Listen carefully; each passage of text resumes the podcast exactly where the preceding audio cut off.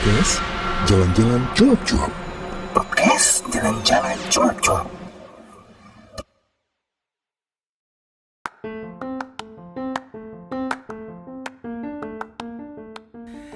Assalamualaikum warahmatullahi wabarakatuh. Selamat pagi, siang, sore, dan malam. Dan ketemu lagi dengan gua Danan Di podcast Jalan-Jalan Cuap-Cuap. Kali ini bakal ngajakin kamu Untuk jalan-jalannya itu ke gedung bioskop. Nah kalau kemarin kita sudah ngebahas film Perempuan Tanah Jahanam, di tanggal 24 Oktober ini gue bakal ngajakin kalian untuk ngebahas yang premier hari ini, yaitu Susi Susanti Love All.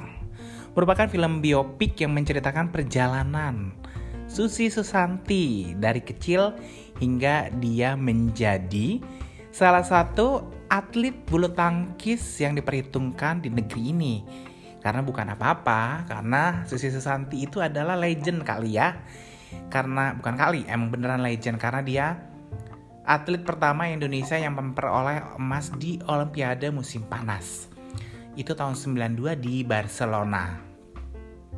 Jadi nggak heran dong kalau akhirnya kisah hidupnya difilmkan dan diharapkan di bulan Oktober ini bisa menjadi inspirasi untuk anak-anak muda gitu. Karena film ini sebenarnya nggak cuman bercerita tentang Susi Susanti dan pasangannya Alan Budi Kusuma tapi juga banyak kisah-kisah lain gitu. Dan gue berharap sih orang bisa lebih belajar banyak dari film ini hal-hal yang positif ya. Karena film ini menampilkan beberapa hal yang gamblang banget gitu. Jadi kita bisa melihat itu dari beragam sudut jadi gue kasih spoiler nggak ya kasih oke. Okay. Di sini gue ada satu pejabat gitu yang menggambarkan bahwa gue sempet yang agak apa ya dengan tokoh ini tuh agak kayak kayak nggak nggak ini pejabat gitu karena tidak terlalu suka karena dia menjadikan bulu tangkis ini ya alatnya dia gitu kita kan ya biasa lah ya pejabat zaman sekarang dari dulu zaman sekarang itu pasti pengen terlihat memiliki satu prestasi gitu dan salah satunya adalah ya dia menjadi motor atau penggerak lah gitu untuk olahraga tertentu. Memang sih olahraga ini menjadi berkembang gitu, tapi ada ambisi pribadi yang tersembunyi sebenarnya. Tapi oke okay lah gitu. Jadi gue ngelihatnya dari sisi positif dan negatif gitu ya. Nah, jadi untuk Oke, kita akan bahas ceritanya. Dari segi cerita sih memang bagus gitu karena skenario ini memang dibuat itu selama 2 tahun dan melalui proses yang terus dirombak. Dari ceritanya itu tentang waktunya mungkin dari Susi Susanti kecil sampai dia itu terakhir di di pertandingan dia yang di Hong Kong deh kalau nggak salah tahun berapa ya tahun lupa deh gue gitu. Pertandingan Thomas dan Uber kalau nggak salah. Dan waktu itu dan ceritanya memang dibangun gue pikir bagus ya. Maksudnya ini adalah cerita biopik tapi tidak mengabaikan sisi komersil. Jadi tetap menjual gitu. Jadi kayak udah kayak kayak uh, film Hollywood lah ya. Kalau lo ngelihat filmnya si kemarin Queen ya itu memang sih uh, ada orang yang tahu ceritanya memang mungkin agak sedikit berbeda dengan kisahnya tapi itu tidak mengurangi isi atau makna dari jalan cerita gitu. Itu hanya mempermanis, memberikan bumbu sehingga ada satu uh, unsur komersil gitu. Karena kan kita jualan nih gitu. Kalau lo cuma cerita sejarah, nggak ada hiburannya orang pasti bosan lah ya jadi ada lah ya roman-romansnya gitu lucu-lucunya seru-serunya. Itu walaupun si Susi Susanti sempat protes katanya kayaknya gue dulu nggak gitu deh gitu. Tapi oke okay lah gitu. Penulis skenario nya juga bagus. Dan sutradaranya Sim F Sim F ini uh, biasa bi bikin film pendek dan kayaknya juga iklan-iklan komersil aja. Dan ini adalah film panjang pertamanya dia gitu. Jadi gue pikir ini oke okay lah ya untuk film panjang pertama. Karena katanya sih next project dia akan kerjasama dengan Joko Anwar. Wow. Jadi film ini dibuka dengan scene yang gue bilang sangat cantik sekali menggambarkan Tasikmalaya di era kayaknya di era 80-an kali ya. Di era 80-an dengan grading color eh, grading color color lagi. Emang sempak. Grading color yang gue pikir tuh manis banget gitu. Jujur ya, gue sebagai anak yang besar di 80-an dan 90-an ngerasa bahwa ini adalah bentuk nostalgia gitu. Jadi ya bener-beneran memorial tuh ngerasain semua yang ada di film ini gitu di era itu gitu. Jadi emang kerasa banget nih untuk kamu yang mungkin yang lahir-lahir di era-era itu. Ngegambarin gimana nonton TV hitam putih kemudian nonton pertandingan olahraga. Jadi untuk kita yang lahir di era itu nih ngerasain bahwa uh, euforianya si game pon ataupun olimpiade itu kerasa banget gitu. Karena waktu itu di era itu kita kalau ada pertandingan kayak gitu nih anak sekolah itu disuruh bikin clipping. Jadi semua kita clipping. Jadi kita tahu tuh perkembangannya berapa perolehan medali artis uh, artis atlet apa yang menang ini gitu dan ketika partai-partai khusus gitu kita bisa nontonnya rame-rame live gitu. Dan itu kerasa lah euforianya. Nah kayak pertandingannya live-nya Susi Susanti memperebutkan uh, medali emas pertama di Olimpiade untuk Indonesia itu tuh kita ngerasain loh momen-momen itu gitu. Jadi kayak ketarik lah ke masa lalu. Kemudian yang menyenangkan lagi adalah mungkin kayak wardrobe kayak tatanan rambut yang nikahnya Susi Susanti itu yang bikin gue geli sumpah. Emang beneran kayak ke bawah ke era itu. Walau endingnya cerita ini itu nggak terlalu nendang sih. Ya mungkin karena ini adalah cerita uh, biopik orangnya juga masih hidup gitu. Tapi di awal-awal itu cukup membangun lah scene-nya itu. Maksudnya ceritanya itu pelan-pelan pelan-pelan dan kita akan terharu lah. Pasti kamu akan pasti akan terharu dengan semua uh, masalah yang dihadapi Susi Susanti di era itu. Karena uh, cerita ini juga akan menjawab beberapa pertanyaan. Jadi gue dulu sih tahu ya Susi Susanti kan tahun 92 uh, dapat emas di Olimpiade tapi setelah itu prestasinya langsung menukik tajam gitu di di turnamen berikutnya dia hanya mendapatkan perunggu gitu. Ternyata di situlah dia ada satu konflik bisa dibilang konflik batin, bisa juga dibilang juga konflik dengan dengan apa ya? Dengan statusnya sebenarnya status keluarga negaraan dia yang itu akhirnya menghilangkan moodnya dia gitu. Karena setelah itu juga setelah dia mendapatkan surat kewarganegaraan akhirnya dia juga kembali lagi berprestasi. Nah, ini yang cerita seperti ini kan sebenarnya mungkin di era dulu tentang diskriminasi, tentang etnis Tionghoa itu mungkin agak tabu untuk kita ceritakan karena ini merupakan isu yang sensitif gitu. Tetapi sih kalau gue bilang film ini memang menjelaskannya semua secara gamblang, secara jelas, dan harusnya sih kita bisa mengambil positifnya gitu. Jadi ini loh yang terjadi gitu. Dan memang seharusnya begitu ya sejarah ya.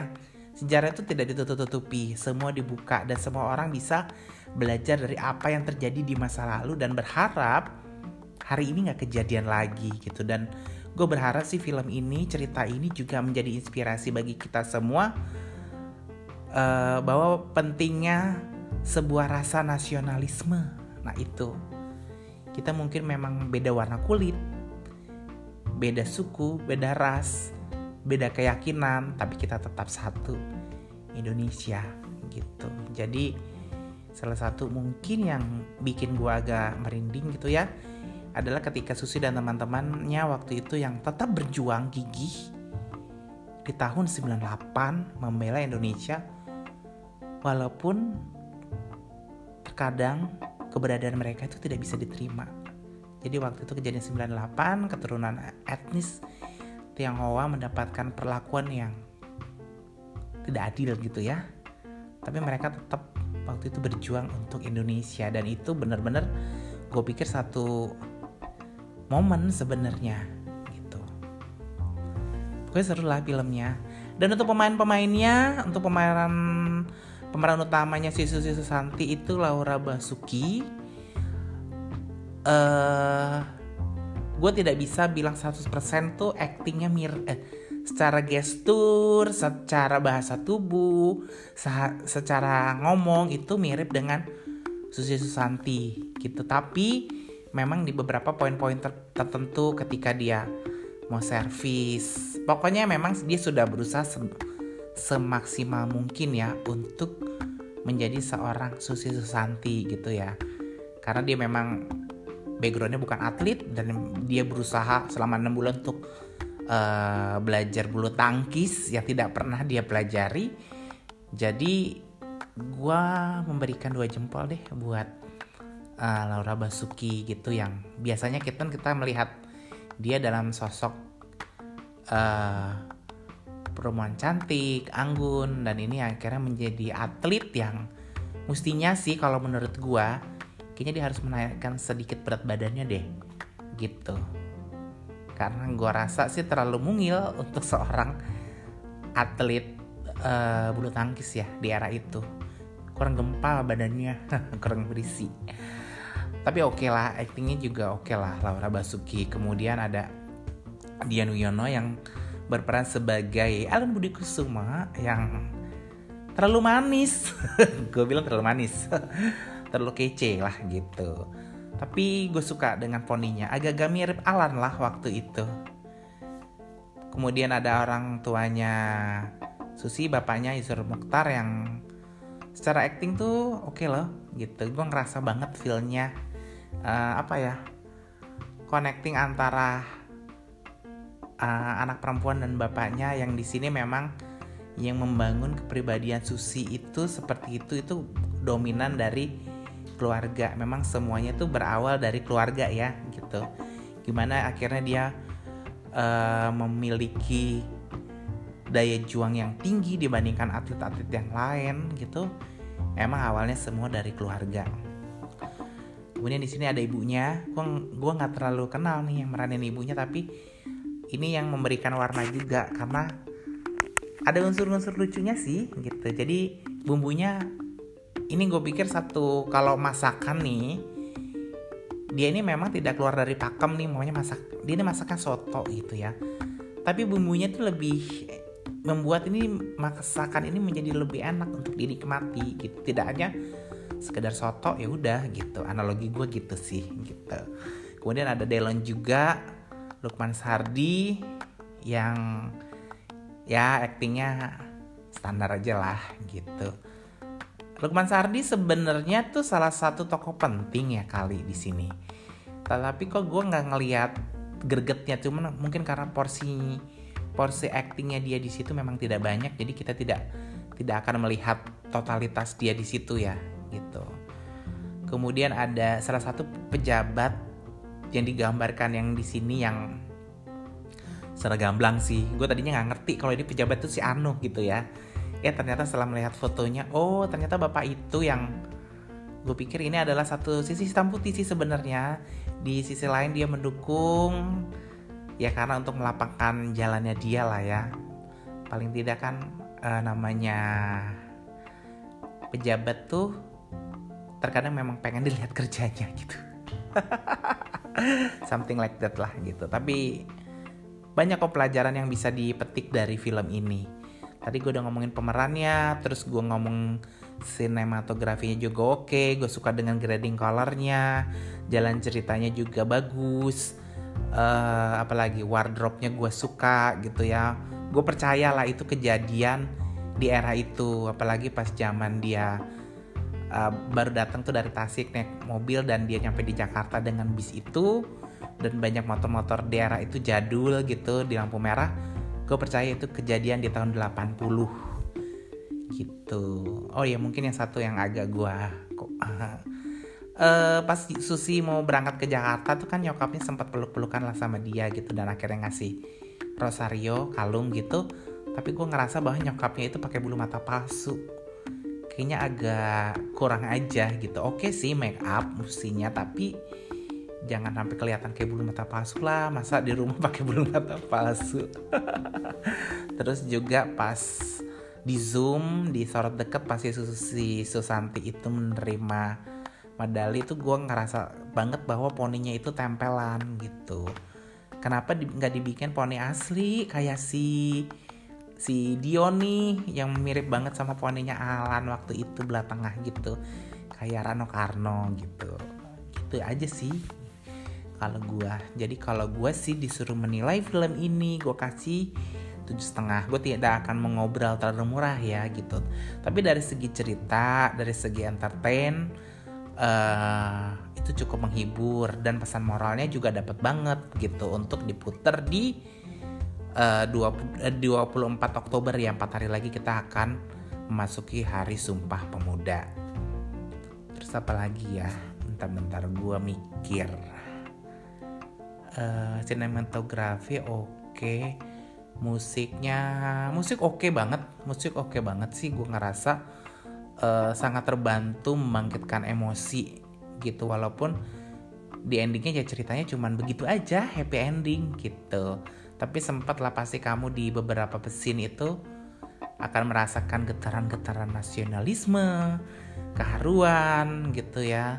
Tentang apa itu tentang cita-cita, tentang semangat, tentang relationship dengan keluarga yang uh, mungkin akan bikin kamu menangis. Tapi yang gue sayangin sih ini kan sebenarnya premier nih hari ini gitu. Dan di kota gue juga nggak banyak bioskop walaupun kita ada lima bioskop kalau nggak salah kayaknya yang muter cuma satu deh. Gitu dan di tadi jam 7 itu yang nonton cuma 15 orang. Dan kebanyakan juga memang bukan dari anak milenial. Nah memang sih film-film biopik seperti ini yang mengisahkan atlet itu memang tidak sekuat film-film biopik yang sudah dibikin bukunya atau novelnya. Bukunya lah ya gitu kayak kayak Ainun dan Habibi itu kan bukunya meledak dulu lah baru filmnya gitu yang akhirnya muncullah sequel-sequelnya tapi ini adalah atlet olahraga yang mungkin tidak dikenal oleh anak-anak milenial gitu. Pokoknya era beda deh anak-anak 80-an 90-an itu kenal banget dengan atlet-atlet yang membawa harum nama bangsa gitu. Karena memang waktu itu kan TV nggak banyak pilihan nih siaran dan ketika ada siaran langsung ya mau nggak mau nonton itu dan pasti kenal lah gitu. Tapi sekarang kan banyak pilihan informasi juga banyak. Jadi hanya mereka-mereka yang concern dengan olahraga ya kenal dengan atlet-atlet ini. Salah satunya mungkin contoh film biopik yang beberapa bulan lalu tuh yang 6.9 detik itu yang menggambarkan salah satu atlet panjat tebing yang paling cepat yang dan memecahkan rekor. Sebenarnya itu sesuatu yang membanggakan ya itu filmnya kalau nggak salah disutradarai oleh Lola Amaria. Secara ini, secara gue ngeliat trailernya, sinematografinya, dialog-dialognya itu sangat bagus sebenarnya gitu. Tapi sayang banget nggak lama di bioskop gitu dan mungkin juga anak-anak nggak banyak yang kenal jadi nggak tertarik lah untuk menonton film-film seperti itu gitu ini juga apalagi di bulan-bulan ini di minggu-minggu ini tuh banyak banget film-film Hollywood dan mancanegara ya sudah lah ya film-film lokal yang sebenarnya patut untuk dijadikan tontonan dan tuntunan bersama itu nggak maksimal dan gue berharap sih uh, next time film-film seperti ini itu bisa menjadi raja di apa namanya di bioskop kita gitu. Apa lagi nih? Ngomongin ya. Ya tadi oh ya jadi kalau kamu nih banyak nonton film ini jangan buru-buru keluar. Jadi sebenarnya ada yang lebih menyenangkan lagi nih. Jadi di belakang itu kan pas credit title itu dimunculkanlah foto-foto kenangan Susi Susanti masih kecil zaman dia pertandingan di era-era jadul dengan uh, soundtrack yang dinyanyiin sama Rosa. Itu sebenarnya buat kita nih aduh lagi-lagi anak 80-an 90-an nih kayak ngebangkitin satu kenangan sih gitu. Jadi kayak oh gila ya. Oh iya ini pas Susi yang ini gitu. Dan itu di compare dengan uh, film yang baru kita tonton. Maksudnya bayangan film yang baru kita tonton tuh ya kayak oh iya ya bener ya kejadiannya kayak gini kayak A B C gitu gitu terus tadi gue udah ngomongin kostum kost eh udah ngomongin sinematografi. Kostumnya juga bagus lah 80-an menggambarkan era itu banget. Dan ini juga tim apa namanya tim kreatifnya artnya ya gitu tempat-tempat lokasi-lokasi syuting-syutingnya yang warung-warungnya gitu-gitu. Gue ngerasa banget sih uh, bisa menggambarkan era itu gitu. Dan gue berharap uh, si sim F ini bakal menghasilkan karya-karya film lain yang kualitasnya harusnya di atas ini ya gitu. Dan apalagi nih ya wis lah kayaknya udah panjang dan lebar gitu. Dan kalau kamu yang mungkin ingin berdiskusi atau memberikan opini tentang film ini bisa kamu langsung rekam loh guys komentar. Tapi ya kamu mesti ngedownload anchor.fm gitu. Itu kan nanti di kalau kamu dengerin akunya di anchor.fm ini ada bisa message aku gitu bisa kasih komentar dan nanti bisa rekaman itu bakal aku sisipin di bawah ini gitu oh iya malam ini thank you banget aku sudah nonton film ini bareng dua temanku Cahaya dan Celukman Nah, untuk kamu yang mau uh, mengunjungi media sosial aku dan Wahyu, pokoknya Twitternya, Instagramnya dan Wahyu. Kemudian juga kamu bisa buka blog aku di www.dananwahyu.com. Emang sih itu nggak ada pembahasan film di sana. Kebanyakan adalah cerita-cerita traveling gitu. Apalagi ya, ya udah deh cukup sekian. Semoga ini bisa menjadi panduan kamu untuk ke bioskop karena film ini untuk 13 tahun ke atas. Nah, boleh dong bawa anaknya, bawa keponakannya atau bawa saudaranya untuk menonton film ini rame-rame dan berharap sih karena film ini gue bilang jujur gitu. Jadi ini yang menggambarkan lah ya kejadian yang sebenarnya yang akan menjawab pertanyaan-pertanyaan kamu mungkin kenapa Susi kok karirnya Apis Olimpiade sempat turun ya? Gitu. Tapi akhirnya dia naik lagi dan bisa membuktikan bahwa uh, dia konsisten lah dengan prestasinya gitu. Karena memang begitulah ya orang kan ada masa naik turunnya eh pokoknya seru. nanti kalau gue cerita jadi spoiler deh. Gitu. Oh iya film ini budget untuk trailernya itu 900 miliar. Lumayan tinggi sih gitu. Jadi gue gue bilang sih film ini terbilang bahwa untuk serius lah gitu. Ini kan Damn I Love You Indonesia ya. Salah satu apa namanya produsernya untuk film ini sih Daniel Mananta. Dia emang serius sih bikin film ini gitu. Dengan dia menggelontorkan uang hanya untuk trailer sekitar 900 juta itu menandakan bahwa dia nggak cuman ingin apa ya membuat film ini untuk sesi komersil aja enggak tapi lebih dari itu gitu. Banyak yang yang ia ingin sampaikan melalui film ini jadi guys tonton ya filmnya ya dan terima kasih atas perhatian untuk kamu yang sudah menyikmat podcast jalan-jalan cuap-cuap bareng gua Danan dan next time nanti kita bakal jalan-jalan lagi ke gedung bioskop. Tapi aku juga akan traveling ke tempat-tempat wisata dan untuk tips traveling dan cerita traveling kamu bisa menikmati podcast jalan-jalan cuap-cuap. Sampai jumpa di edisi podcast yang lain.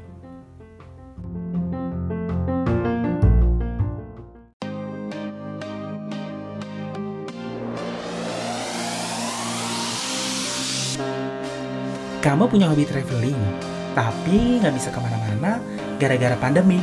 Ya udah, dengerin aja kisah perjalanan di podcast Jalan-Jalan Cuap-Cuap. Di sini juga ada tips seputar traveling. Penasaran? Langsung aja ya, dengerin podcast Jalan-Jalan Cuap-Cuap. Podcast Jalan-Jalan Cuap-Cuap dipersembahkan oleh denganwahyu.com.